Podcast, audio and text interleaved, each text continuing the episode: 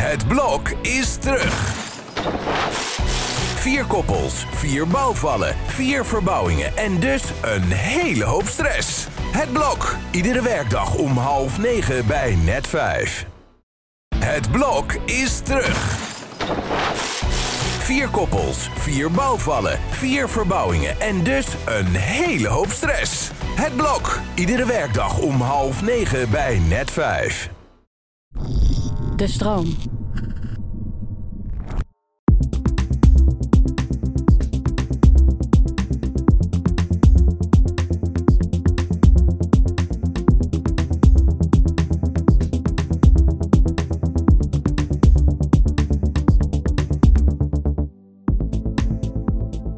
Fijn dat je luistert naar de Podcast Psycholoog.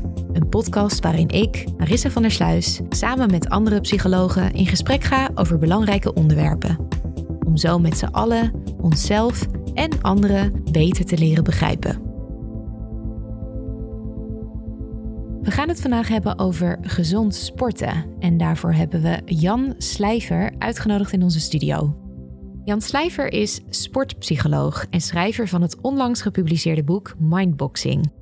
Hij studeerde sociale psychologie aan de Universiteit van Amsterdam en specialiseerde zich na zijn studie in martial arts.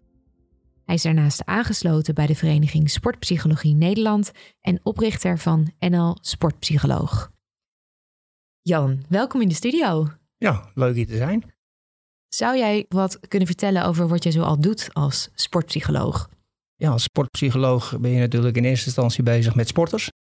En dat zijn sporters die eh, 9 van de 10 keer eh, bij me aankloppen op het moment dat iemand in een omgeving heeft gezegd, nou volgens mij zit er iets eh, niet goed tussen jouw oren. Terwijl ik altijd probeer aan te geven dat je mentale training ehm, gewoon als onderdeel van je sportcarrière moet zien. Dus dat zijn de, de categorie sporters. Daarnaast werk ik eh, heel veel binnen het gevangeniswezen. En werk ik eh, daar met eh, justitiepersoneel die te maken heeft met agressie. Eh, zelfs eh, situaties waarin uh, suïcidegevallen voorkomen of uh, gijzelingsacties. en die mensen moeten ook omgaan met druk. En daar ehm, verzorg ik trainingen mentale veerkracht. Mhm. En dat is ook de link tussen sporters en mensen die onder zulke hoge druk staan in dit soort beroepen, dan begrijp ik. Dat Ja. ze jou daarvoor inschakelen. Ja, exact. Eigenlijk is de rode draad door mijn leven is eh, presteren onder druk. En ik heb zelf een, eh, een vechtsportachtergrond, martial arts. Eh, Daarin komt het ook eigenlijk neer op het, eh, ja, het gevecht. Het gevecht tussen je oren is eigenlijk het leukste eh, onderdeel daarvan. Omdat de fysieke vaardigheden, die zijn ja, relatief makkelijk te trainen. Een stukje Mhm. techniek. Ja. Maar het gaat om het moment dat je moet presteren, die fractie van een seconde. En of dat nou op het werk is of in de sport, recreatief of in de topsport, dat maakt niet zoveel uit. Nee, dus dat, dat moment, dat maakt het verschil. Daar gaan we het ook eh, over hebben vandaag, wat dat dan allemaal is, wat dat verschil maakt. Ehm, de laatste tijd lijkt er wel meer aandacht te zijn voor de psychologische kant van sporten, heb ik het idee. Maar in hoeverre vind jij er dat er op dit moment genoeg oog is voor de mentale kant? Ja, de, er is nooit genoeg aandacht wat mij betreft voor de mentale kant. Er heerst nog steeds een klein beetje taboe. Maar vergeleken met tien jaar eh, geleden is er wel eh, een enorme eh, kentering geweest. En mede ook omdat topsporters zelf ook aangeven van... hey, ehm, mentaal gaat het met mij moeilijk. En we, Ja. hebben, nou ja, we hebben Olympische Spelen gezien met de, de, de turners en de, ehm, de tennisters. Ja, die, Naomi Osaka. Osaka, ja. Die, die aangaf dat ze eigenlijk de druk niet meer goed aankon. Ja, en ook onze eigen Kiki Bertens is natuurlijk nou, een supertalent. Maar waar toch altijd ook wel eh, mentaal gezien eh, wat aandacht aan eh, voor nodig is om die topprestatie te leveren. Ja, en dat helpt. Maar ook in het voetbal. Voetbal is van oudsher een, ja, een traditionele sport. Mhm. En de commentatoren dateren nog vanuit de, de vorige eeuw. Dus die hebben zoiets van ja, dat mentale niet zeur. Ja, Maar de tijden zijn veranderd. terug. Ja, De tijden zijn veranderd en sporters durven er open over te zijn. En op het moment dat het goed zit tussen de oren, Ja. presteer je beter. Dat weet iedereen.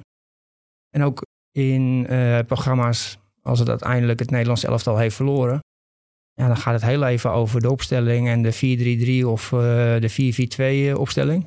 Maar daarnaast altijd van, eh, ja, er was geen vorm. Of er ontbreekt iets, ze zijn mentaal niet sterk. Dus dan iedereen heeft het erover.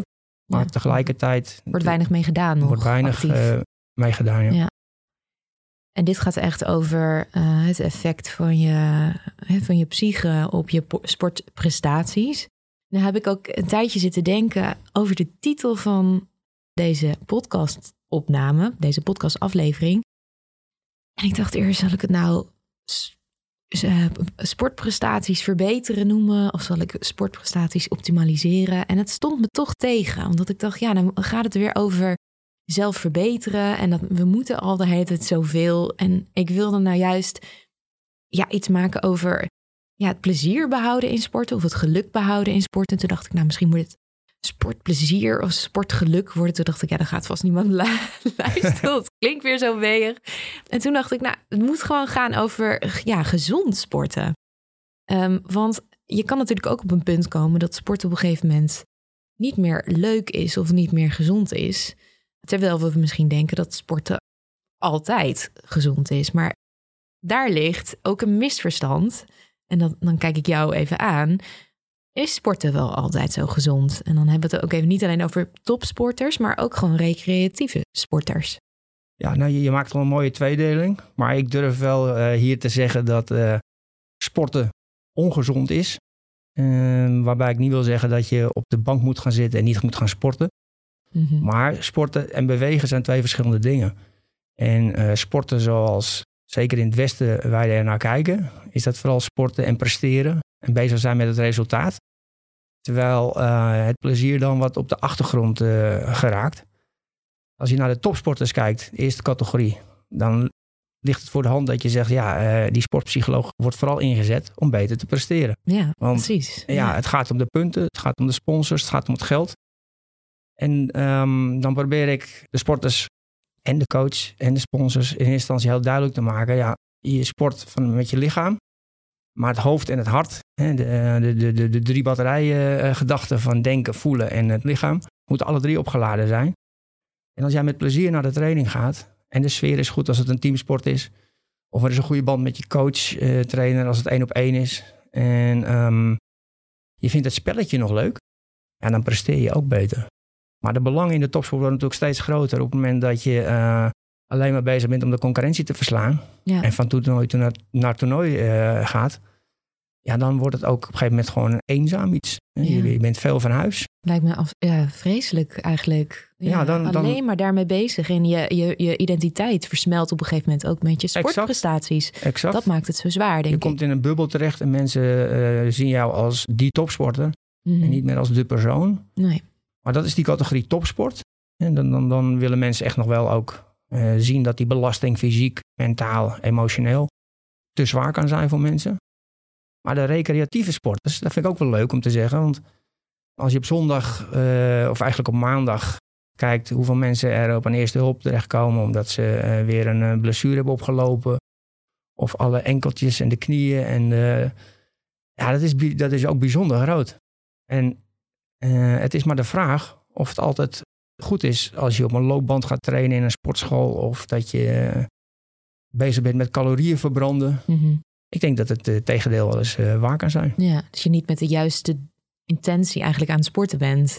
En daarmee ook een beetje rukzichtloos te werk kunt gaan. Daarmee jezelf beschadigt zonder dat je het doorhebt. Nou ja, enerzijds rukzichtloos, maar anderzijds ook ja, of ongetraind of verkeerde schoeisel. Of, ehm, maar vooral het moeten wat erachter zit. Je hebt een drukke dag gehad. Oh, ik moet nog even eh, naar eh, eh, mijn rondje rennen. Ja, En dan een stappenteller erbij, zodat je ook weer precies ziet hoeveel stappen je hebt ja gemaakt. dat je niet onderdoet voor die dag ervoor. En dat ja. je zelf, ja, en dat je ook weer op, op social media precies kan bijhouden wat je allemaal hebt gelopen. En dat, Mhm. dus, dus het is niet meer het, het evenement zelf of het, de activiteit zelf. Ja, het bewegen niet, maar de prestatie. Het gaat die weer om die prestatie. Het gaat Ja. weer om eh, laten zien. En, en, en voor jezelf het afdwingen. Ik moet Ja. in plaats van ik wil. Want willen is leuk en moeten is dwang.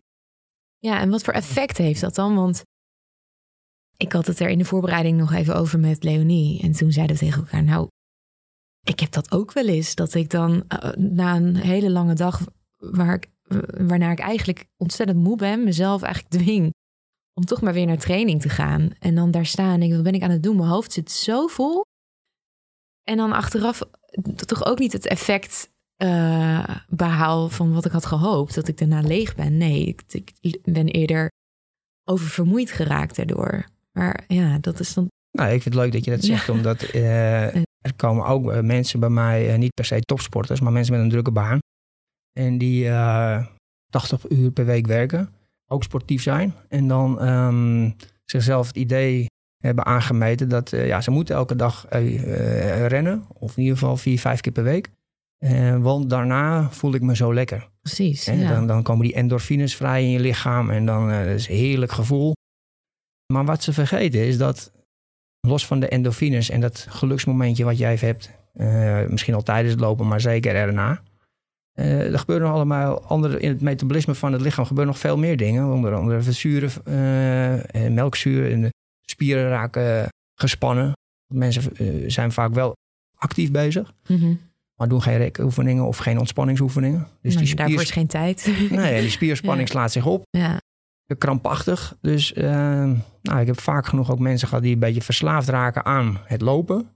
En die krijgen dan ook weer van die lichte blessures, ontstekingen. Um, en dan is het niet zozeer dat het lopen aan zich verkeerd is, maar die dwang en het uh, continu je lichaam belasten, waardoor die fysieke batterij die was al leeg, want je was al moe. Want je sliep al slecht. En je gebruikt misschien al wat uh, slaapmiddelen om in slaap te komen. Je hebt die drukke dag, je hebt veel in je hoofd. Maar het lichaam is ook moe. En dan is maar de vraag of als je met een moe lichaam uh, je rondjes gaat rennen, of dat dan wel de beste oplossing is. En in veel gevallen niet. Nee.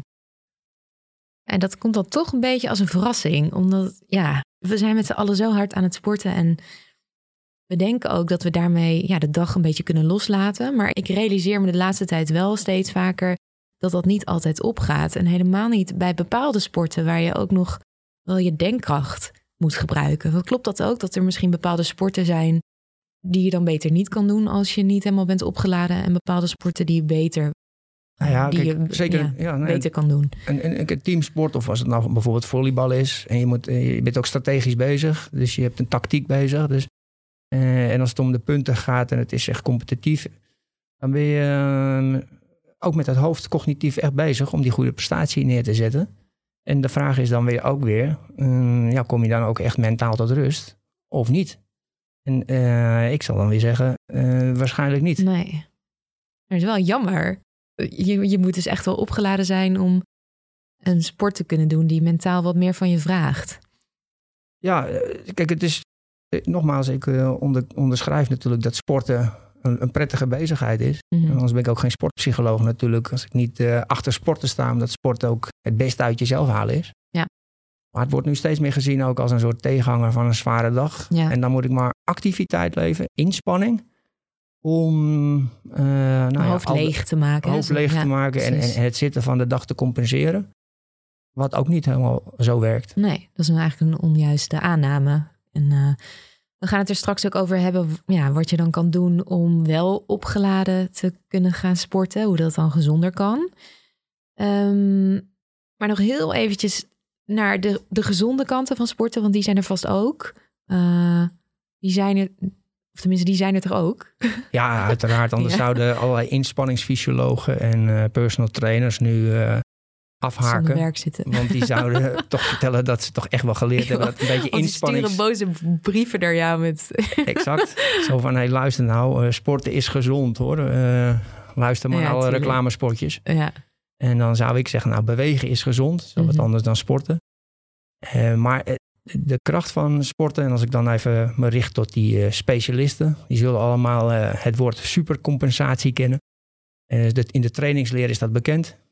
Dat je eerst de spieren belast en het lichaam is katabol bezig. Dus die, die is eigenlijk de boel aan het stuk maken op spiervezelniveau.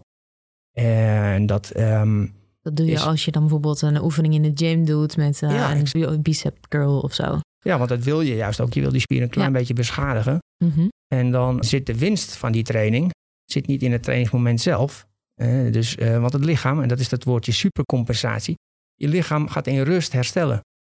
En die herstel betekent dus dat je, als je 48 uur dan die bicep niet gebruikt, dat het lichaam de tijd krijgt om te herstellen. En eh, die maakt die spier ietsje dikker, omdat hij denkt, nou, het zou best nog eens kunnen eh, zo zijn dat, die- dat die arm nog een keer op die manier Dus ik maak weer zo'n gewicht moeten. Ja, en ik maak die spier alvast een beetje dikker. Ja. Dus dat lichaam is. Voorbereiding. Is, de natuurlijke herstel is uh, enorm slim, dat lichaam. En dan heb jij als sporter dat trainingseffect wat je beoogde. Want je wilde of als bodybuilder uh, die dikkere, grotere spier. Mm -hmm. Of je wilde die snellere spier of die krachtigere spier. Ja. Maar uh, wat veel mensen dus vergeten is dat herstel, daar word je beter van. De tijd die je daarvoor gunt. En niet de inspanning. Hm. Dus de, de, ontspanning is anabool. Ja. Daar, uh, daar word je sterker van. Uh, dus de ontspanning. Ontspanningsfase, het lichaam komt tot rust. Maar de inspanningsfase, daarvan hebben mensen vaak het idee, ja, daar doe ik het voor. Ja, inspannen, precies. inspannen, inspannen. Ja. Een heel andere idee, een heel andere manier om naar sporten te kijken, als ik dit zo uh, hoor. Ja, en ik, ik zeg dat als psycholoog, maar elke inspanningsfysioloog of personal trainer, elke mensen met een beetje trainingsleer fysiek, weten dat het zo werkt. Joop Zoetemelk zei dat uh, in de vorige eeuw al, de, de, de wielrenner. De Tour de France win je in bed. Ja. Zo simpel is het eigenlijk. Ja. Maar dat vergeten toch heel veel mensen die uh, gewoon recreatief met, bezig, met, met Mhm. sport bezig zijn. Die zeggen, nou, ik moet even naar die sportschool, ik moet even rennen nu. Ik moet mezelf inspannen. Wat misschien alleen maar op dat moment te veel schade oplevert, waardoor je roofbouw pleegt op je lichaam. Precies, dus het hangt heel erg af van je conditie op dat moment, mentaal of fysiek. Of dat dus roofbouw is of dat het wat toevoegt. Ja, goed je lichaam en je gevoel en je denken, de drie batterijtjes in de gaten houden om uh, te zorgen dat je geen roofbouw pleegt. Maar je mag af en toe best wel in de reserve. Als je daarin, dat, dat, dat voelt ook wel prettig. Hè? Je, hebt, je hebt het gevoel, ik heb iets gedaan. Maar uh, vergeet dan niet dat je daarna de rust nodig hebt, het herstel. Mhm. Of bouw die herstelmomentjes in, maar daar komen we misschien later nog op. Ja, Dat je daar uh, hebben. voor jezelf rekening mee houdt. Dat dat eigenlijk de waardevolle momenten zijn om, nou ja, lekker er in je vel te zitten, beter te presteren. Dus we zijn eigenlijk massaal aan het sporten, maar dat doen we misschien helemaal niet op de goede manier. Want um, precies wat je zegt, waarschijnlijk, wij zijn waarschijnlijk helemaal niet genoeg opgeladen om gezond te kunnen sporten. En in jouw boek bespreek je ook drie soorten energieverslinders, waardoor uh, we eigenlijk al uitgeput zijn. En dat zijn, uh, je noemt verslinders op het gebied van, van je lichaam, dus fysiek. Uh, verslinders op het gebied van je gevoel, van je emoties. Uh, en verslinders op het gebied van het denken. En ja, laten we even beginnen bij fysieke verslinders. Wat maakt nou dat we fysiek zo uitgeput raken? Ja, nou, het is mooi om die, om die, die driedeling ook als metafoor de drie batterijen te gebruiken. Om dan wordt het ook heel uh, duidelijk dat je je batterij kunt opladen en dat ze ze verslinden. En fysiek is eigenlijk de belangrijkste verslinder uh, ademhaling. Uh, ja. Ademhaling is iets wat we altijd doen. Want als je niet ademt, dan ben je dood. Ja. Dus het is ook iets makkelijks. Ja, je bent er normaal gesproken niet heel erg bewust van. Je bent er niet bewust van. dus stap 1, wat een luisteraar zou kunnen doen, is meet nou eens in rust hoeveel keer je ademhaalt. Je rustademhaling. Per minuut? Ja. Um, is dat uh, 7 keer of, of is dat 27 keer? En dat is wel een verschil natuurlijk. Dus zodra die ademhaling sneller is, nou, verbruik je meer energie. En dan is die ademhaling ook vaak uh, oppervlakkiger. Dus de eerste training, uh, of de fysieke verslinder in Ja. eerste instantie, is dan natuurlijk van wees je bewust wat je ademhaling doet in rust. En uiteindelijk ook tijdens de inspanning. Ja. Dus zo'n zo'n korte, zo'n um, oppervlakkige ademhaling kost veel energie. Maar laat je volgens mij ook opgejaagd voelen hè, gedurende de dag. Ja, exact. Als je uh, daar weer het, zenuwstelsel bij betrekt en je zegt, nou, we hebben het autonome zenuwstelsel bestaat uit het uh, sympathische deel en het parasympathische deel. Mhm. Het sympathische deel is het gaspedaal en het parasympathische deel is het rempedaal. En die wisselen elkaar af. Maar als jij snel ademt, het is ook weer een beetje wat gaat als eerste, maar de ademhaling die versneld is, zet het lichaam in de stand van het gaspedaal, oftewel het sympathische deel. Mhm. En dan maakt het lichaam zich klaar voor actie. En dan komen er ook wat stresshormonen vrij en uh, allemaal een heel functioneel systeem. Maar in eerste instantie bedoelt het voor korte moment om te overleven. Dus als jij de hele dag versneld ademhaalt, zonder dat je het door hebt, dan is het lichaam dus continu in die alerte stand. Nou, dat vreet energie. Ja. Um, en wat is nog een andere verslinder? Als we het hebben Uh, over fysieke Ja, een andere, kracht. een andere verslinder is um, gebrek aan balans, uh, evenwicht. Wordt nauwelijks getraind Nee. uh, binnen, hoor je nooit wat over. in het Westen in ieder geval. Nee. Ik weet dat jij eh, ja, dat is een bruggetje in natuurlijk. de Oosterse geneeswijze eh, hebt verdiept. Ja, dus oefeningen eh, heel langzaam uitvoeren. Of zelfs zo langzaam dat je niet beweegt. In ieder geval uiterlijk gezien beweeg je niet. Maar van binnen beweegt er natuurlijk van alles. Eh, want al die lichamelijke processen gaan gewoon door. Ehm, dat is eh, vaak eh, ehm, ja, dat is ongebruikelijk om dat te trainen. Behalve turnsters zie ik nog wel eens Ja. voor, op de evenwichtsbalk wat doen. Omdat het wel duidelijk is dat je in balans moet staan. Maar ehm, ja, op één been staan of met je ogen dicht is al een hele lastige oefening. Zijn we niet genoeg in balans, fysiek? Ja, letterlijk en figuurlijk zou je Ja? dat zo kunnen, kunnen stellen. Ja. Daar, ja, maar net, als, net wat ik net zei, daar, daar hoor je nooit wat over. Maar daar, ja. Nou, als je, iedereen herkent dat als je ehm, druk bent, dat je dingen uit je handen laat vallen. Eh, Ja. Of je, eh, je struikelt eh, over een stoepetje. Of, dus, dus dan heb je die connectie tussen eh, lichaam en geest natuurlijk weer. Maar het lichaam eh, ja, liegt nooit. Mhm. zei ehm de haptonoom Ted Troost ooit al. Het lichaam liegt nooit. Dus je ziet aan het lichaam wanneer het eh, uit balans is. Ja, en dat zouden we dus meer moeten trainen. En het is dus een, vers- een energieverslinder dat we ja, lichamelijk niet genoeg in balans zijn. Die gejaagdheid of die snelheid en die spierspanning. En het, eh, nou ja, dan ben je aan het sporten en dan gaat het ook weer om inspanning. Ja, Terwijl eh, nou, mensen weten eh, of het nou yoga is of tai chi. mhm. Of eh, oefeningen waarbij ademhaling en lichaam juist in een soort mindfulness-achtige eh, setting tot rust komen. Misschien wel veel waardevoller is op dat moment. Mhm. Ja, en over rust gesproken, we hadden het er net al even over hoe belangrijk dat is en hoe over het hoofd het gezien wordt. In ieder geval denk ik wel door de gemiddelde recreatieve sporter, omdat het ook voelt als eh, ja, ik heb zo weinig tijd en eh, als ik dan niet sport, dan ja, dan, dan, dan Voel je ben je ik schuldig. niet. Ja, voel je je schuldig. Dan Ja. ben je niet, dan ben je lui voor je gevoel. Ja. En dat zie ik ook wel om me heen. Mensen die maar ja, bijna dwangmatig aan het sporten zijn om maar hun hoofd dus leeg te maken en lichamelijk actief bezig te zijn. Maar dan te weinig rustmomenten hebben. En ja, ja dat, is, dat is ook een grote verslinder van je energie. Absoluut. Ja, dat is een grote denkfout. Dat je alleen die rust hebt door iets te doen. En eh, je noemde het eigenlijk al vanuit het oosten, is een mooie term, het uh. En dat is ja, de kunst van het loslaten. Of eh, letterlijk vertaald, het niet doen. Dus niet niets doen, maar het niet doen. En dat betekent dat Iets je... bewust laten. Ja, bewust laten. Ehm, dus eigenlijk een luxe als je niks hoeft. En er zijn inmiddels ook wel stromingen, hè, de droedelen, het lummelen, het lantersvanteren. Ja, ja. Ja, dat, dat doen we niet meer, want dat, eh, ja, eh, Worden we het onrustig druk van. worden we onrustig van. En juist eh, dingen doen die eigenlijk nou ja, zinloos zijn. In de zin van een zentuintje aanharken is een mooi voorbeeld. Maar gewoon op een papier een beetje krabbelen en kijken wat je creatieve geest op papier zet. Mhm.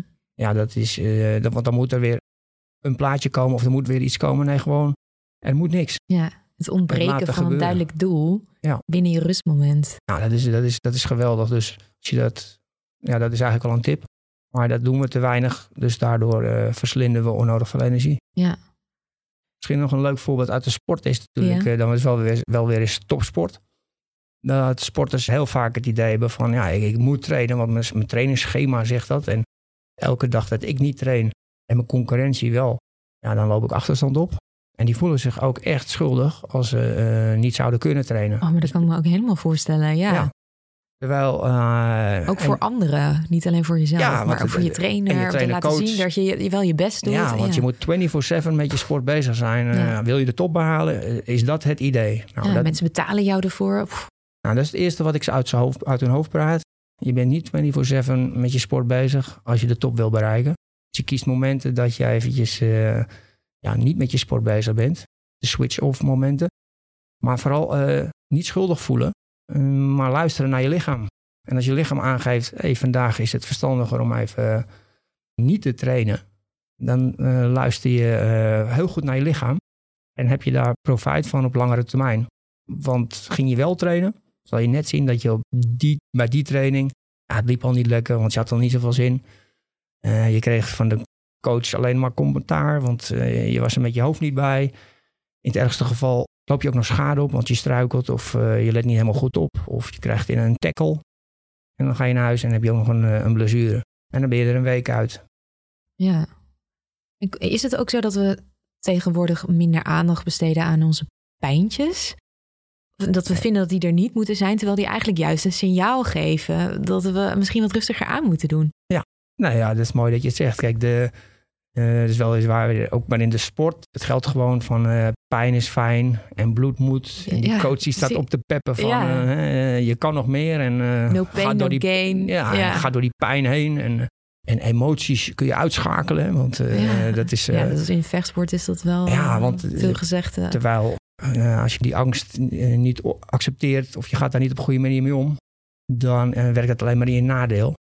Je wil het ook verdringen. Ik begrijp het wel. Je denkt, oh nee, komt echt niet uit nu, dit pijntje. Ja, en, ik wil niet rusten. En je bent dus heel erg belangrijk, heel, heel erg afhankelijk van je omgeving en de juiste coach. Want de coach is er nodig om jou over moeilijke momenten heen te helpen. Maar als de coach kortzichtig is en denkt dat je alleen maar meer, meer, meer en harder moet trainen, ja, dan heb je kans dat iemand of in de puberleeftijd zo'n beetje zoiets heeft van, ja, weet je, ik, ik, ik haak af, ik stop ermee. Het is me te veel, ik ga studeren. Ik word iets ouder en dan of er ontstaat een, uh, een meniscusprobleem uh, of iets en dan is iemand gewoon negen maanden uit de relatie. Ja, en dan is het zo moeilijk om de draad weer op te pakken. Terwijl die goede coach op dat moment iemand tegen zichzelf in bescherming had kunnen nemen. Ja. En niet de illusie van um, je bent uh, een ongemotiveerde sporter of als je de top wil halen moet je altijd maar die grenzen verleggen ten koste van. Nee, juist die, die rustmomenten creëren, mhm. inbouwen. En dan aan het maximale werken van uh, ja, lichaam. En, en, dan hou je er ook plezier in. Ja. Dus juist je, je, je coach en misschien anderen in jouw omgeving hebben dan die afstand om ook tegen jou nog te kunnen zeggen van joh. En die mildheid misschien ook van doe het even wat rustiger aan. Want soms als sporter, en ik denk helemaal als topsporter, is het moeilijk om daar aan toe te geven. Ja, neem uh, wielrenner Dumoulin, die er dan even uitstapt. Hoe mooi is dat? Eh, maar ja, daar valt iedereen over hem heen natuurlijk. Uh, want dat hoort niet bij het heldenplaatje wat we hebben natuurlijk. Hè? Want iemand moet afzien, pijn lijden, sleutelbeen breken, op die fiets stappen en weer gewoon keihard doorgaan. En dan het liefst de Giro en de Tour de France. En overal moet je in die top drie eindigen. Ja, er is echt weinig genade voor, voor topsporters. Ja. En dat is ook wat het publiek ook verwacht. En ja, je kijkt ook naar, als publiek kijk je ook naar helden. Ja. Mensen die Alleen je weet niet wat voor leed daarachter schuilt. En, maar dat wil je ook niet weten, want het zijn je helden. Maar je mag verwachten dat het team wat om zo'n sporter heen zit. En mensen met een beetje verstand van zaken. Dat ze um, nou ja, iemand uh, daarin goed begeleiden. Ja. Dus dat zijn uh, nou, een paar belangrijke fysieke verslinders hè, die we hebben besproken. Of in ieder geval verslinders van de fysieke batterij. Maar je hebt ook op het gebied van uh, je emotionele batterij, dus je gevoelsbatterij, verslinders. Hè? En een van die verslinders schreef je is angst. En nou herken ik dat wel een beetje bij, uh, bij mijn eigen training. Ik, uh, zoals sommige luisteraars inmiddels wel weten, Thai-box. En na een hele lange tijd in lockdown te hebben gezeten en bijna nou ja, anderhalf jaar niet te hebben gespart ging ik dan een paar maanden geleden weer beginnen met sparren. En ik merkte dat ik echt wel wat angstiger was geworden. En daardoor in een soort negatieve spiraal belandde. Um, ja, dat is dus ook echt een verslinder. Ja, emoties is in, uh, in de sport en in de topsport natuurlijk een heel mooi punt. Omdat die mag je niet tonen, een teken van zwakte. Ja, helemaal binnen de vechtsport. En de vechtsport ja, wel helemaal. misschien ook wel. Uh, nee, maar dat is zeker. De stare down is natuurlijk bekend. Hè? Je moet natuurlijk uh, naar de buitenwereld tonen dat je uh, voor niets en niemand bang bent. Ja, ja. Dus op het moment dat je dan uh, bij jezelf toch wel een soort angst voelt, dan is je eerste reactie natuurlijk wegdrukken. Want angst is slecht en angst uh, mag ik niet hebben. En, en, mensen die op je inpraten, ja, kom op. En, maar die angst die is er gewoon. En, die, en, en, en, en of, het kan ook verdriet zijn. Hè? Er kunnen allerlei emoties zijn die wel in dat lijf zitten. Ja. En dan is het stap 1 voor sporters al moeilijk. Dat ze hem accepteren dat hij er is. Want dat, is, dat zijn ze niet gewend. Ze zijn gewend om uh, het weg te drukken. En dan is het natuurlijk wel een mooie vergelijking. Als, die maak ik ook vaak. Van een bal. Als je die bal even ziet als een, uh, als een emotie. En die druk je En met twee handen onder water, als je in het zwembad ligt. Ja, dat lukt wel. Maar hoe harder je gaat duwen en hoe lager die bal in dat water naar beneden gaat, hoe moeilijker het wordt. En op een gegeven moment vloept die, uh, op een onverwachts moment vloept die uh, natuurlijk ja, je uit je handen en in je eigen gezicht. En dat, en dat gebeurt ook. Want dus dan die angst, die um, heeft zijn, zijn weerslag op het lichaam. Mm -hmm. En als je hem niet accepteert en je laat hem zitten, dan, ja, dan neemt hij je over. Dan, dan, dan, krijg je meer spierspanning. Spierspanning maakt je armen trager en, die, en, en, en verzuurt de spieren, is je dekking lager. Dus dan krijg je precies die, waar je bang voor dan was. Dan krijg je precies waar je bang voor was. Ja. Dan krijg je de klap op je hoofd, ja. Ja. Dus niet zozeer emoties aan zich zijn dan verslinders, maar het, het, ja, het onderdrukken van emoties zou ik dan bijna willen zeggen ja, tijdens dat, de sport en het niet toelaten. En juist uh, die passie en het plezier en het, uh, het goede gevoel, mm -hmm. ja, die maken je on onoverwinnelijk. En niet de, uh, het wegdrukken van de negatieve emoties. Dus zet die ja. angst om in, in kracht. Ja. Oké, dus dat wat, dat wat betreft de emotionele uh, energievreters. En dan het mentale gedeelte. Um, wat verslinders kunnen zijn voor je denkkracht, uh, zijn eigenlijk die negatieve of niet helpende gedachten. Uh, want als sporter kun je ook gedachten hebben tijdens een belangrijk moment, waardoor je je juist heel slecht gaat voelen, soms ook over jezelf. En wat vervolgens weer negatief effect heeft op je prestaties. Als je bijvoorbeeld een teamsport doet of je moet een of andere belangrijke prestatie leveren en je maakt een fout, dan kan er bijvoorbeeld door je heen schieten: oh, ik kan dit ook helemaal niet. Of Jezus, wat voor sukkel ben ik toch ook. Dit is het stukje ja. wat de sporter altijd bij de mental coach of de sportpsycholoog verwacht. Van, Precies ja, dit, ja. De gedachte. Dit is, dit, is, dit is natuurlijk het eerste waar mensen aan denken van, ja, maar die zelfspraak of daar moet ik iets mee. Of die gedachten door mijn hoofd. Want die gaan alle kanten op en die kan ik niet, uh, die kan ik niet bedwingen. Stap 1 is dan vaak om uh, een beetje in kaart te brengen van... Hey, uh, ben jij nou ook een perfectionist in het dagelijks leven? En is die, um, die, die, die, die interne criticus bij jou altijd aanwezig? En dat was al vanaf kinds af aan, want het was nooit goed genoeg. Of dan krijgt iemand al een beeld van, ja, dit, dit, dit, dit herken ik wel. Maar hij heeft ook een positieve kant, want je bent altijd grensverleggend bezig. En je, je uh, vaak uh, kijken mensen dan ook naar anderen. Hè? Dus dan is het vooral gericht op van beter presteren dan een ander. Ja. In plaats van wat meer het beste uit jezelf halen. Want het frustrerende is natuurlijk, er is altijd iemand beter dan jij. Ja, dus dan is het ook nooit goed genoeg. Dan is het nooit genoeg. Nee. En, en, de kans dat jij inderdaad nou, die wereldtopper wordt, die in zijn uh, sport of haar sport de absolute grootste, die, die is natuurlijk niet zo groot. Dus die is niet heel. Die is niet heel. Toch? Ja, er is altijd maar eentje de beste. Ja, dat is al die mensen. Dus van al die miljarden mensen. Dus dan, is, dan scheelt het wel dat je de, wel wat kunt relativeren. Dat je de, de lat wel hoog legt en het, je grenzen verlegt. Maar dat je um, ja, niet gedesillusioneerd bent op het moment dat het even tegen zit. Want ook jij mag fouten maken. Dus om leren gaan met fouten. Mm-hmm. En uh, ja, het zijn een beetje tegelwijsheden van, hè, van fouten leer je. Maar hij zult je verbaasd, uh, zult verbaasd zijn dat toch sporters daarin uh, vaak aan het handje meegenomen moeten worden. Van ja, oké, okay, ja, fouten daar leer ik van. Of uh, nou, en een van de dingen um, is dan dat ik sporters leer te jong leren met drie balletjes. En ik geef die balletjes dan aan de sporter. Nou, hier heb je drie balletjes, ga maar aan de slag. Mm-hmm. Nou, dan kijken ze. Wat... Oh, dat gaat over het geen fouten mogen maken. Ja, want dan... Oh, want, want dan moet even nadenken hoor. Ja, nee, de, de link was natuurlijk... ja, ja. Jij vraagt over van, ja, geen fout of uh, het, het stemmetje. Ja. En dan is zo'n zo'n oefening is leuk, want dan heeft je drie balletjes en dan zegt iemand... Uh, ja, nee, uh, ja, ik ben hier niet zo handig in hoor. Of ja. ja, ik, ik, ik, kan dit niet. Of hè, wat is dit, verwarring? Ik ben bij een psycholoog, maar ik moet nu een circusoefeningetje doen. en dan, dus nog voor ze beginnen is dat, er ook is gaan zijn, zijn, mensen ja. helemaal indekken al. En, ja, en dat, zeggen dat ze het niet kunnen. Dus. En dan is dat die zelfspraak. Ja. Ik zeg, wat maakt nou dat je uh, al die argumenten van zin, ik ben hier niet goed in, of ik uh, kan dit niet, of uh, waar is dit goed voor? Of ja, je wil van alles weten. Nou, en dan gaan we met, met de balletjes aan de slag. En dan is het natuurlijk leuk om duidelijk te maken dat je, als je het eerst eens opknipt en je gooit met één balletje, dan wordt het al een stuk makkelijker. Dus dan leg je de lat niet zo heel erg hoog, maar je, je, je probeert wel de basis te leggen. gevoel voor te krijgen. En als je dan balletjes toevoegt en het balletje valt en je vraagt van uh, wat denk je nu? En of iemand die roept uh, shit. En, en is al, uh, heeft al iets ongemakkelijks van nou, ik wil ermee stoppen. dan eh, is dat weer een leuk moment. Je zegt, maar waarom? Wat wordt er nu tegen jou Wat gebeurt er nu eh, bij Terwijl-? Ja. Je kunt het vallen ook eventjes, eh, of eventjes, maar je kunt het vallen ook zien als...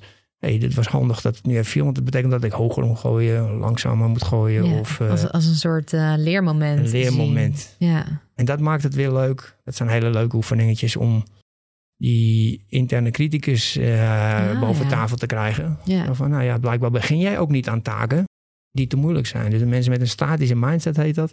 Die, ja, die, die zijn niet zo snel ge- geneigd om nieuwe taken te doen of af te wijken waarvan van ze denken dat ze die nog niet kunnen. Ja, want dat vinden ze heel moeilijk. Ja, Want eh, ja, het oude vertrouwen, dat is goed. En als ik daar maar mee doorga, dan verbeter ik me. Maar nieuwe dingen, ja, dan, dan valt het misschien op dat ik het niet kan. Dus dat zijn al leuke eye Terwijl iemand die daar eh, wat meer met een eh eh, nou, groeimindset of met een mindset open is voor verandering. ja. het Die denkt, kom makkelijker vindt. Ja. Ja. En, en, en ook snapt dat als je het doet, dat het Mhm. weer van toegevoegde waarde is op wat je al deed. En dus als je doet wat je altijd al deed, krijg je wat je kreeg. precies. Ja. Dus, de- en Dus daar dat wil je je van hiervan afwijken. groeit, ook al kan je het nog niet meteen. En dat zit vooral tussen je oren. Dus dat is het stemmetje wat je dan wil blootleggen van eh, en de denkbatterij. hey, ehm, wat zeg je nou allemaal tegen jezelf? En waar, waar, waar komt dat vandaan? Is dat eh, deel van je persoonlijkheid? Verwachtingen die je eh, blijkbaar van anderen over jouw prestatie hebt? En dat is, ja, dat is stap één. Ja. En eh, als je een balletje op de grond laat vallen, is dat, nat- je kan, ja, is dat een mooie metafoor voor die fouten. En dat gebeurt dan natuurlijk de hele tijd als je gaat leren, jong leren. Dus dat, ja, daar leer je dan ook beter mee omgaan op een fysieke manier, lijkt me. Ja, jong leren wordt ook eh, de kunst van het loslaten genoemd. Dus, dus, Ah, ja. dus je, je kunt namelijk niet jong leren eh, met drie ballen. Op het moment dat je met je hoofd eh, gooien en vangen eh, gaat. Als je daar heel bewust bij Bewust blijft nadenken. Ja. Dus je, je- het kan niet, want je, je, het gaat te snel. De ene hand moet gooien en loslaten en de andere moet vangen en vasthouden. En die afwisseling tussen vasthouden en loslaten, dat geldt ook in het dagelijks leven, is een mooie metafoor. Ehm, dat moet je gewoon doen Mhm. en, en, en doen. Ja. En, en dat is waar we in het dagelijks leven ook mee te maken hebben. We plannen van alles en we zijn van allerlei dingen van plan. Eh, maar je moet het doen in het Ja. hier en nu. Ja. Het enige wat telt. Ja, dus die, die beperkende kant van negatieve zelfspraak, die kan dan een energieverslinder zijn. Perfectionisme ook, hè? geen fouten mogen maken, vergelijken met anderen, altijd maar mensen die beter zijn, hè? dan is het nooit goed genoeg. En eh, nou, daar zijn echt wel oefeningen voor. We, eentje daarvan is dus dat jong leren een hele goede oefening en wat ook wel eh, een metafoor is voor het leven. Ehm, ja, heb je nog andere praktische tips of oefeningen om die drie batterijen weer op te laden? En waardoor we dus wel weer ja, zo optimaal mogelijk zouden kunnen sporten. Bijvoorbeeld op het gebied van, eh, van het lichaam. Wat is Ja, ik- ik- ik vind voor leukste om te batterij op te laden. Ja, ik vind het leukste om eh, hier te vermelden natuurlijk is eh, het staan als een boom. Dus in mijn boek heb ik 76 tips en eh, eigenlijk 1 plus 75 en die ene is een, een, een Qigong oefening. Mhm. En dat is eh, ja, zo wereldvreemd voor ons eh, westerse mens. Dat je, ik ben wel blij dat je dit zegt. Ja, voor af. jou al eerst ook, toch? Toen Absoluut, voor- ja, ja, nee, ik, ik- moest ook even kijken van, oké, in je kracht staan. Ik dacht, oh, Ja, nee, dat, dat, is niks je voor ook mij. zo vaak. Ja. Ja. Dat is niks voor mij, daar heb ik niks. En als ik het woord boom hoor, dan denk ik, oh, boom knuffelen. Nou, daar ben ik al helemaal niet van. Maar het heeft niks met een boom te maken, maar eh, het is eh, een stilstaande oefening. Dus Ja. je gaat gewoon op twee benen staan en je ehm, bent je bewust dat je contact hebt met die grond. En op het moment dat je je handen in een bepaalde positie verandert, dat kan voor je buik zijn, maar het kan ook alsof je een, een strandbal omarmt. Ja, oké. Ja, Dus je, stel je voor, mensen willen dit thuis doen. Nog even terug naar het nut van deze oefening. Wat, hoe helpt het jou lichamelijk op te laden als je deze oefening vaker doet? Ja, dit is, het wordt ook wel staande meditatie genoemd. Maar dat schrikt ook weer veel mensen af, want het is niet zozeer meditatie, al, al wel gewoon eh, staan in het hier en nu. En wat doe je dan? In plaats van inspanning en eh, het lichaam en die spieren laten aanspannen, ben je gewoon gewaar als je staat van hé, hey, eh, als ik wat langer sta, dan merk ik dat ik ehm, nou, wat in mijn rug of eh, mijn schouder of dan voel je overal die spierspanning. Maar in deze gewoon hele simpele sta-oefening sta je gewoon in het hier en nu. Dus je, je doet ook niet je ogen dicht, maar je kijkt om je heen. Ja. En je pakt je ademhaling erbij, waar we het net al over hadden. Mhm. En het enige wat je doet is eh, voelen dat je staat. En dat het lichaam, eh, dus je bent in tegenstelling tot de traditionele westerse sporten naar buiten gericht. Ben je aan het kijken wat gebeurt er in mijn lichaam. En ja, op celniveau? Ja. ja, op celniveau gebeurt natuurlijk enorm veel. Want het, die, die, die cellen die delen en die, eh, die dus dat hele pulserende eh, systeem in het lichaam, als je daar eens bewust van bent, dan kom je fysiek gewoon tot rust. En eh, het is verrekte moeilijk om gewoon te staan. Ik doe het eigenlijk nooit meer. Nee, dat doe je niet. En, ik, en het is zo simpel dat. eh, je kan het overal doen. ja, eh, dat, maar ook dat elke luisteraar het gevoel heeft: ja, maar zo simpel kan het niet zijn. dit, dit, dit, dit, eh, dit, dit kan niet, want ik moet toch op zijn minst iets doen om eh, fysiek sterker te worden. Want eh, anders, ja. Eh, terwijl, nou ja, het is een hele mooie oefening. heet eh Tsan Zwang. Mhm. Dus als je wil googlen, eh, google er vooral op. Eh Tsan Zwang. Eh, Z-H-A-N. En dan Z-A-U-A-N-G. Zwang. Mhm. Eh, staan als een boom of staan als een, een pilaar. En fysiek gezien enorm waardevol. Maar je moet alleen eventjes de, eh, de vertaalslag maken dat er op celniveau je lichaam continu bezig is aan zich te herstellen. En dat je die energiestroom door je lichaam zo vrij mogelijk laat lopen. En dat je dat Mhm. ook gaat ervaren. Dat je het ook gaat voelen. En dat die ademhaling rustiger wordt. Ja, dat je daar En- aandacht voor eh, hebt. En dat dan ook die, uiteindelijk die gedachten die in je hoofd opkomen van wat ben ik aan het doen? Of eh, wat is dit? Of kijk ze nou eens kijken? Of eh, nee, ja, dat, dat, dat, dat moet je even overwinnen. Dus dat is gewoon blijven oefenen. Hoe lang moet je, hoe, hoe lang kan je zo'n oefening doen? Ja, dat is ook leuk. Want ehm, er zit een beschrijving natuurlijk ook bij. Maar de, de, de, de, de, grootmeester eh, Wang Shangsai, die eh, hier bekend eh, ook door is geworden, die zegt het eigenlijk heel mooi. Op het moment dat je het gaat beschrijven hoe je moet staan, ben je er alweer mee bezig. Dus voor een beginner is het wel mooi om te zeggen, nou, je moet je voeten even parallel, je knieën een beetje van het slot, je heupen een klein beetje kantelen, kin een beetje intrekken, tong tegen je gehemeld, een beetje tegen je voortanden. Eh, en dan ogen een beetje sluimend omhoog, lippen een beetje van elkaar. Handen, eh, nou wat ik zei, alsof je een eh, strandbal vast hebt. Vingers licht van elkaar. Allemaal tips, maar uiteindelijk gaat het erom, ga nou maar gewoon staan. En als het goed voelt, ga je wat langer staan. Nou, als het niet goed voelt, nou, dan stop je ermee. En als je dan kijkt naar mensen die dit vaker doen of in het oosten, dan staan ze eh 50 minuten. Gewoon Ja, stil. Omdat het gewoon lekker voelt. En, om- maar omdat En daar luister voelt. je naar. Ja. Maar ik weet al van, eh, ik heb natuurlijk zelf ook heel veel gedaan. En dan sta je met een groepje. En dan sta je toch om je heen te kijken van, nou, ik ga niet als eerste opgeven. Oh, ja, dan ben je toch weer bezig met prestatie. En dan ben je toch aan het presteren. En dat, ja. Maar dat leer je, maar dat is heel Je moeilijk. leert ook om dat op een gegeven je moment wil je los te handen niet laten zakken. Dan denk je, ja, nee, dan, dan, dan, dan sinds dat ik als eerste mijn handen laat zakken. Terwijl het wel verzuurt. Ja. En dan gaat het er niet om dat je die verzuring, dat je die gewoon accepteert dat die er is. Mhm. En het voelt. En dat je doet, nou, wat doet het met mijn lichaam? En tintelt het ergens? Dan begin ik een beetje te trillen. Een klein beetje veranderen van lichaamshouding. Minimaal.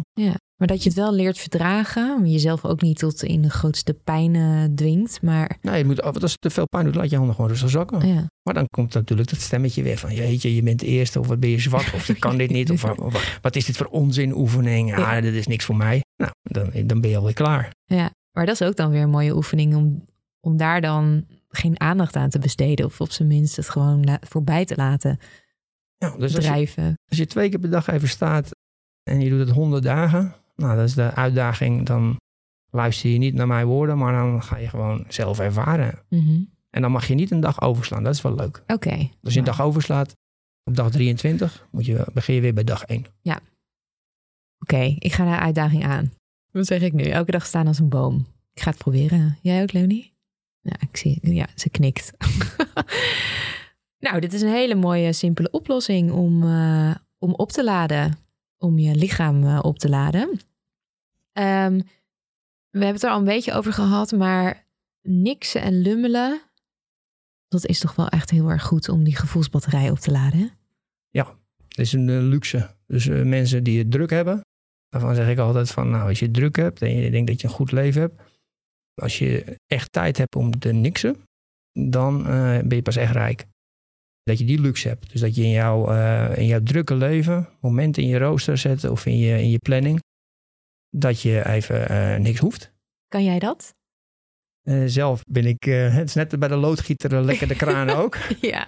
Dus ik ga je niet beweren dat ik daar goed in ben. Mhm. Maar ik heb mezelf wel aangeleerd om wat momenten echt wel te pakken. Ah ja, dus jij En- moet dat wel echt inplannen. Ja, Maar dan moet je plannen. Ja. En je daar ook aan houden. Want dan is dat, dat gaatje wat je dan in je rooster hebt, is ook wel heerlijk om toch nog even wat af te maken. Want je denkt, nou ja, dan heb ik dat uurtje en dat komt nog goed van pas. Maar Ja. dan, dan moet je dat niet doen. En het kan ook een, een lunchwandeling zijn. En mensen zeggen, nou ja, ik, ik ga gewoon eh, een wandelingetje maken. En dat, dat is gewoon heilig. Ja, zonder duidelijk doel is dan. Ja. eh, want we moeten ook steeds meer dingen van onszelf. Dat eh, schreef jij ook. En juist het plezier hebben kan dan ook een medicijn zijn hiervoor. Dus kan ook een oplader zijn. Hoe, hoe kan je weer een beetje het plezier terugvinden? Als sporter, maar ook gewoon als eh Ja, mens. Ik, ik vraag aan sporters vaak eh, van, eh, weet je nog waarom je met die sport begonnen was? En, en wat was er nou zo leuk? En dan vraag ik bijvoorbeeld aan een synchroonzwemster, want daar heb ik echt respect voor gekregen. Die, dat vond ik altijd een soort waterballet. ja, Maar er is geen sport waar je zo hard voor moet trainen. ja. We hebben nu twee Nederlandse meiden die goed presteren. Eh, met loodgordels om. En het grootste gedeelte van de kuur is onder water. En dan heb je zo'n clipje op je neus. Die trainen verschrikkelijk hard in het water. En, die, ehm, en op het land ook, eh, fysieke kracht.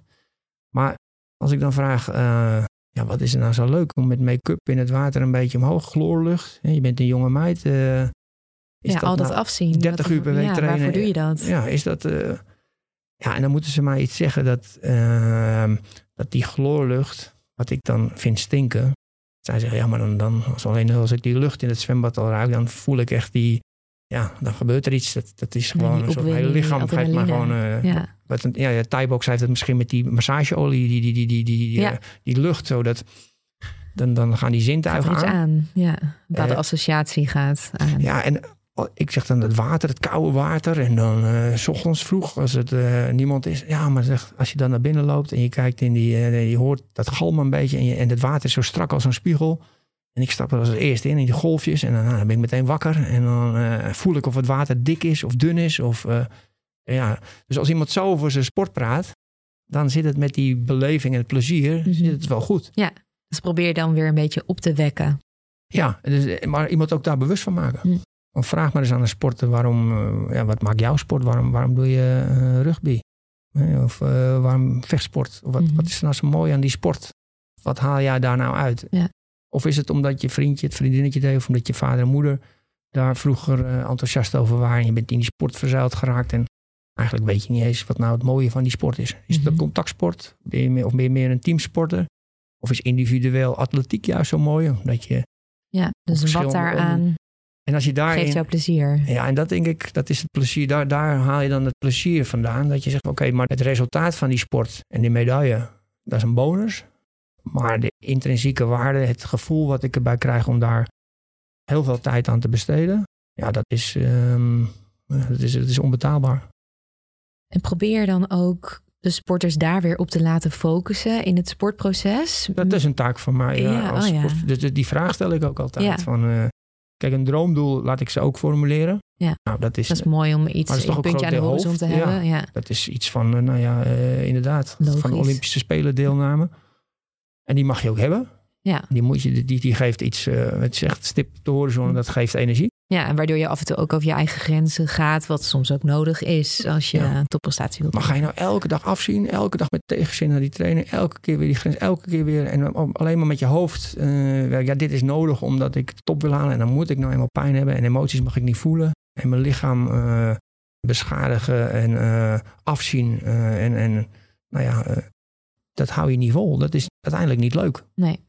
En dat geldt ook voor de gewone sporter, eh, dat is zeg maar de amateursporter, niet alleen voor topsporters. Dat je misschien al heel lang aan het sporten bent en daar eigenlijk iedere keer tegenop ziet en helemaal plezier uit het oog verloren bent. Terwijl als je je daarop richt, dan vind je dat heus wel weer, want je bent er ooit mee begonnen uit plezier. Daar, daar weer naar terug, ja. Het is ook een beetje de, het is verdienmodel volgens mij van veel eh, sportscholen. Dat als je eenmaal dat eh, abonnement hebt en op een gegeven moment, ja, je, je hebt het druk of je kunt je er niet meer toe zetten. Maar dat abonnement hou je nog wel, want dat wil je gewoon in je, in je tasje of in je portemonnee hebben. Zodat als je hem openslaat, denk je, ja, ik ben nog steeds lid. Stok achter de En ik, deur. ik, ik, ik, ja. ik, ik, ja, ik ga naar de sportschool, maar je bent al twee maanden niet geweest. Ja. Maar in je omgeving, zolang je dat pasje nog hebt, heb Ja. je voor je gevoel nog het idee, ik, eh, Ja, en je hoopt nog misschien dat je daar door dat geld gaat. Ja, je betaalt elke dag om jezelf maar wijs te maken dat je het nog steeds leuk vindt Ja. en dat het belangrijk voor je is. Maar dat is het al lang niet meer. Of je bent vergeten waarom je het deed. En als je het alleen maar deed om calorieën te verbranden, Mhm. dat is de slechtste motivator. Ja. Dat is niet leuk. Calorieën verbranden is niet leuk. We hebben het nu gehad over praktische tips en oefeningen om je batterijen op te laden op het gebied van lichaamskracht, gevoelskracht. Ehm, maar nu zijn we aangekomen bij de batterij denkkracht. En we hadden het er net al even over dat echt belemmerende negatieve zelfspraak en perfectionisme en vergelijken met anderen je echt zou kunnen tegenhouden. Hoe kan je nou komen tot meer positieve zelfspraak? En hoe krijg je nou meer zelfvertrouwen als het gaat om sporten? Ja, dat, nou, je kunt verschillende manieren aanvliegen. Maar een praktische oefening eh, die eh, bekend staat als eh, de oefening met de aandachtscirkels van Eberspecher. Dat is misschien wel leuk om eh, kort toe te lichten. Is dat als je alleen bezig bent met de taak. Dus je bent helemaal versmolten met datgene wat je aan het doen bent. Ja. Je zit helemaal in het moment. Dan noem je dat cirkeltje 1. Ik heb mijn dus- taak. Ja, dus stel je voor je bent, eh, ja, wat, je moet een penalty nemen of je bent aan het sparren. Ja, of je merkt het wel in je werk ook. Je bent even al ben maar een mailtje aan het tikken en je zit er even helemaal in. En dan, dan loopt het. Of je Ja. schrijft iets op. Je- De, de tijd lijkt eh, op dat moment niet ter zake te doen. Want je zit echt in het, in het moment, in de Mhm. flow. Ja.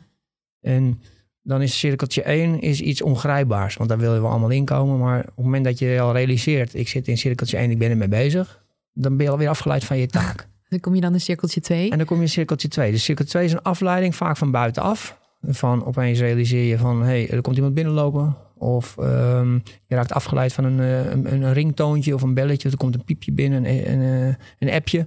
Dus dan ben je al even afgeleid. Mhm. Hoe ziet het er dan uit op het gebied van sport? Stel je voor, ik sta te sparren. Wat, wat kan mij dan afleiden wat in cirkeltje 2 zit? Eh, als sporter kan het zijn eh, publiek die iets roept. eh, een tegenstander die een verboden handeling verricht. Of, ja. of een coach die iets roept. Of de bal die van je been afspringt. Of iets, iets wat er gebeurt waardoor je even uit het moment Ja. bent. Even afgeleid bent. Ja. Nou, dan zit je in cirkeltje 2. En dan is het doel eigenlijk van deze bewustwordingsoefening dat je niet eh, naar cirkeltje 3 gaat, maar dat je weer realiseert van oké, eh, die afleiding is geweest.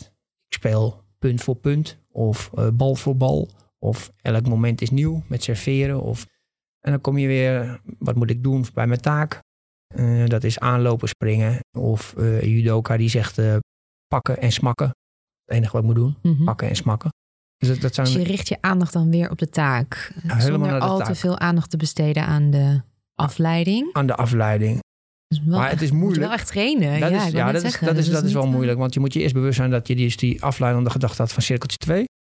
Dus het is veel eh, ehm, logischer, of het zal eerder gebeuren dat je naar cirkeltje 3 gaat. En dat je denkt, oh nee, daar gaat hij weer. Of het gaat niet zo goed als het zou moeten nu. En op dat moment is cirkeltje 4 ook weer een aandacht. Dat je denkt, nou dit gaat mis. Eh, ik ga verliezen of dit, die taak gaat me niet lukken. Nou, Maar- cirkeltje 5 is dan... Herkenbaar, ja. Ik heb wel eens in zo'n eh, spiraal gezeten. Het is een spiraal, Dan ja. verstijf je en denk je, oh nee, dan gaat het helemaal niet meer. Nou, en dan is cirkeltje 5 is dan van de consequenties. Van, oh jee, als ik dit verpest, dan eh, gaat mijn hele presentatie de mist in. Of dan ga ik het niet afkrijgen voor vandaag. Of in de sport, dan eh, word ik volgende week niet opgesteld. Of dan gaat die coach weer iets zeggen. Of dan verliezen we de wedstrijd. Of eh, dan kan ik niet naar het eh, NK. Dan heb ik me niet gekwalificeerd. En dan, als je in die cirkel 5 zit, dan is cirkel 6 licht op de loer. En dan geef je het eigenlijk op en denk je, ja, weet je, wat doe ik hier nog? Ik kan net zo goed naar huis. Dit heeft geen zin. Ja, oh, dat is het eindstation. Dat is van, het eindstation. Dus je bent in een fractie van een seconde eigenlijk, of het, het is echt een heel korte tijd. Je was lekker bezig met iets. Er gebeurt iets in je omgeving. Je bent even afgeleid. En voor je het weet gaat die cirkel, die spiraal naar zes. En dan klots je tegen de kant aan. En als je daar als sporter bewust van bent. Dus je merkt, hé, hey, ik, zit nu, ik kijk nu naar het scorebord. Of ik kijk op mijn, hartslagmeter. Of ik ben... Dan ben je dus op dat moment al in cirkeltje eh, drie misschien. Want je bent bezig met ehm, te kijken ja, eh, wat de consequenties zijn. Cirkeltje vier of vijf. Terwijl je uiteindelijk gaat het om ja, ene been voor het andere been zetten. Hardlopen of eh, een honkballer. Uh, zie de bal, hit de bal, zei een uh, sportpsycholoog altijd heel mooi. Dat is het enige wat je moet doen als slagman. Ja, en dat kan je dus trainen om misschien ook een zinnetje voor jezelf te bedenken. Waarmee je dus weer kan terugkeren naar cirkeltje 1. Is dat handig om te doen? Een soort van mantra? Ja, helemaal eens. Ja, dat is, dat is perfect. Hè? Dus um, zie de bal, hit de bal, pakken en smakken. Of iets wat voor jou uh, werkt. Ja. Als Daar je, moet je even voor gaan zitten. Ja. Op het moment dat je niet aan het trainen bent, van wat kan dat voor mij zijn? Ik had een sportster, een basketbalster, die had uh, op de onderarm uh, gezet. never give up. Mm -hmm. Dus dat is het, het ultieme natuurlijk, een tatoeage maakt. Maar je kunt het simpel houden door ja, een zinnetje, een paar woorden of iets ja. die voor jou verbonden zijn aan de taak waarmee je bezig bent. En dat brengt je mindset terug richting cirkeltje 1. Hm. In plaats van dat je uh, uiteindelijk bij cirkeltje 6 belandt. En helpt het dan ook om ja, een soort van positieve situatie, ik bedenk me dit nu even ter plekke hoor, maar te, te visualiseren? Visualiseren is weer van een hele andere orde. Is op verschillende momenten een perfecte strategie. Dus je kunt het van tevoren doen ter voorbereiding. En dan uh, jezelf trainen dat je jezelf de ideale wedstrijd uh, ziet beoefenen, uitvoeren. Dus dat je niet alleen ziet, hoort, ruikt, maar ook voelt wat er gebeurt. Op het moment dat je het alleen maar denkbeeldig op je netvlies laat langskomen. Mm -hmm. Want daarmee, ja, dat neurale systeem is dan al actief. Dus je traint jezelf om om te gaan met die succeservaring. En dat werkt positief. Ja. Maar ook in een wedstrijd, als je tennis en je serveert en de eerste gaat mis en je loopt terug naar de baseline om de tweede service te gaan doen. Ja, dat is het cruciaal moment dat je, wat zeg je tegen jezelf? Dat is weer die zelfspraak. Mm -hmm. Maar kun je ook weer visualiseren hoe je die tweede gaat maken. En dan uh, zit dat plaatje even in je hoofd. En ben je weer in het moment waar je wil zijn. Ja. Nieuwe bal, nieuwe kansen. Oh, ja. En die eerste bal is eigenlijk alweer achter de rug. Die uh, doet niet meer te zaken. Ja, dus dat heeft ook weer echt te maken met in het moment zijn. Ja, eigenlijk is sportpsychologie uh, het geheim van de smid is in het, in, het, in het hier en nu zijn. Ja. Geeft dat ook weer meer zelfvertrouwen? Dus dat, dan hebben die sowieso die positieve zelfspraak. En ook, ik denk ook dat het zelfvertrouwen geeft als je weer snel terug naar je taak kan, als je wordt afgeleid. Al die puzzelstukjes bij elkaar, inclusief het visualiseren. Dus als je jezelf traint om de wedstrijd van tevoren te visualiseren, en het gevoel op te roepen van dat je als eerste over de streep gaat. Of dat je met je handen omhoog uh, in de ring uh, staat. Dat is dan misschien wishful thinking. Maar het gevoel en het op die manier jezelf voorbereiden op die wedstrijd. Is aantoonbaar. Levert dat meer resultaat op. Ja. Oh, Want je kunt ook al die doemscenario's natuurlijk uh, Precies, in je hoofd hebben. En, en ja, daar krijg je slapeloze we, nachten van. Ja, daar doen we continu. Ja. En daarvan zien we ook dat dat soms je eigen verwachtingen laat uitkomen. Dat... Ja, self-fulfilling prophecy Precies, noemen we dat. Ja, dus dat kan je ook, ook omdraaien. Ja. ja. Uh, positieve mindset draagt bij aan een positief resultaat. Precies. Als je de luisteraars nou nog één heel belangrijk advies zou willen meegeven, wat zou dat dan zijn? Uh, nou, dan denk ik aan het uh, switch-off plan. Dus mentaal even afschakelen. als je getraind hebt, en die training ging goed of die training ging niet goed. Je hebt een drukke dag gehad en uh, je kunt op die bank gaan zitten. En dan uh, het lichaam komt vanzelf tot rust. Als je op een bank zit, dan uh, is die, het herstel, het fysieke herstel, is vrij eenvoudig. Maar het mentale herstel is lastiger. Want terwijl je op die, op die bank zit of je staat te koken, dan nog gaat er van alles door je hoofd. Dus jezelf trainen om bewust uh, jezelf uit te zetten, mentaal uit te zetten. Mm -hmm. Dat is, dat is uh, misschien een belangrijke tip. Want we staan eigenlijk de hele dag aan. Dus ook even van tevoren nadenken wat dan maakt dat jij kan uitschakelen. Ja, en de tip is dan uh, door in ieder geval even bewust te zijn dat je een momentje kiest. Dat kan op de dag zijn. Je kunt het ook in je week plannen. Je kan ook uh, op langere termijn uh, vakantie boeken of een weekendje weggaan. Mm -hmm. Of op uh, nog langere termijn een jaarplanning. Dus van dag tot en met jaar kun je momenten inbouwen dat je denkt van hé, hey, nu moet ik even uh, de batterij opladen. Ja. Nu moet ik even niet bezig zijn met dat presteren. En hoe klein het ook is. En dat is dan een taak die je gaat doen die uh, gewoon leuk is. Ja.